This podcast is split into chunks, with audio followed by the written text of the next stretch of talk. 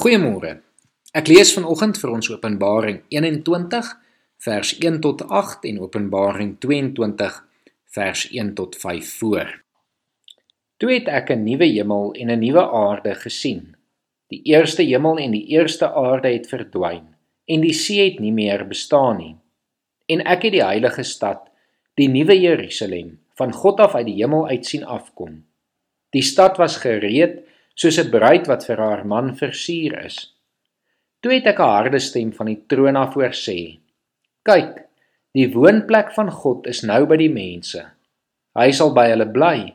Hulle sal sy volke wees en God self sal by hulle wees as hulle God.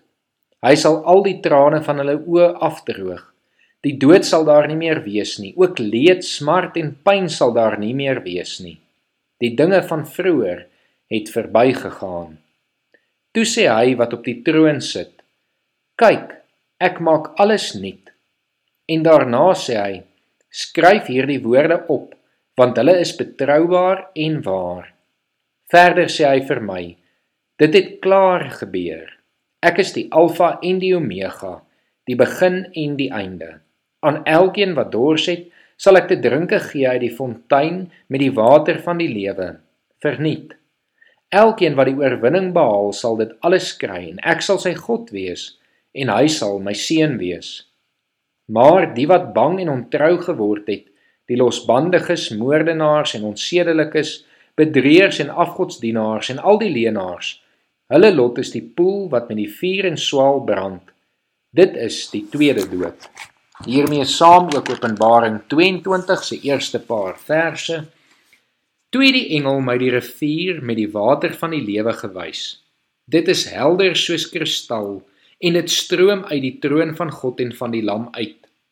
Tussen die hoofstraat van die stad aan die een kant en die rivier aan die ander kant staan die boom van die lewe.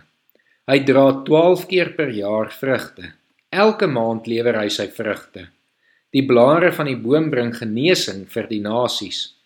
Daar sal niks meer wees wat deur God vervloek is nie. Die troon van God en van die Lam sal in die stad wees en sy dienaars sal hom dien. Hulle sal hom sien en sy naam sal op hulle voorkoppe wees. Daar sal nie meer nag wees nie. Die mense het nie die lig van 'n lamp en die lig van die son nodig nie, omdat die Here God hulle sal verlig en hulle sal tot in alle ewigheid regeer. Daar is nie vir my meer bemoedigende hoofstukke in die Bybel as die laaste 2 hoofstukke nie.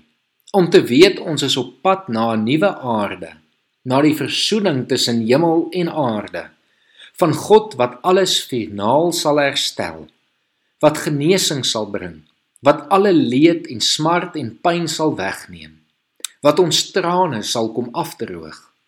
Dit is waarheen ons op pad is en aan die een kant kan ek nie wag nie. Maar aan die ander kant weet ek dat die tyd daarvoor reg sal wees wanneer dit reg is. Tot en met daardie dag glo ek ons as gelowiges is aangestel om die koninkryk te bring so goed soos wat ons kan. Jesus het nie verniet gesê die koninkryk van God het naby gekom nie. Ek glo en weet ons kan deur die beginsels van die koninkryk nou al reeds uit te leef die koninkryk vir ander mense sigbaar maak. Ons kan hulle uitnooi om deel te word en ons kan 'n reuse verskil en herstel op aarde bring. Ons kan soveel van wat verkeerd is op aarde nou regmaak.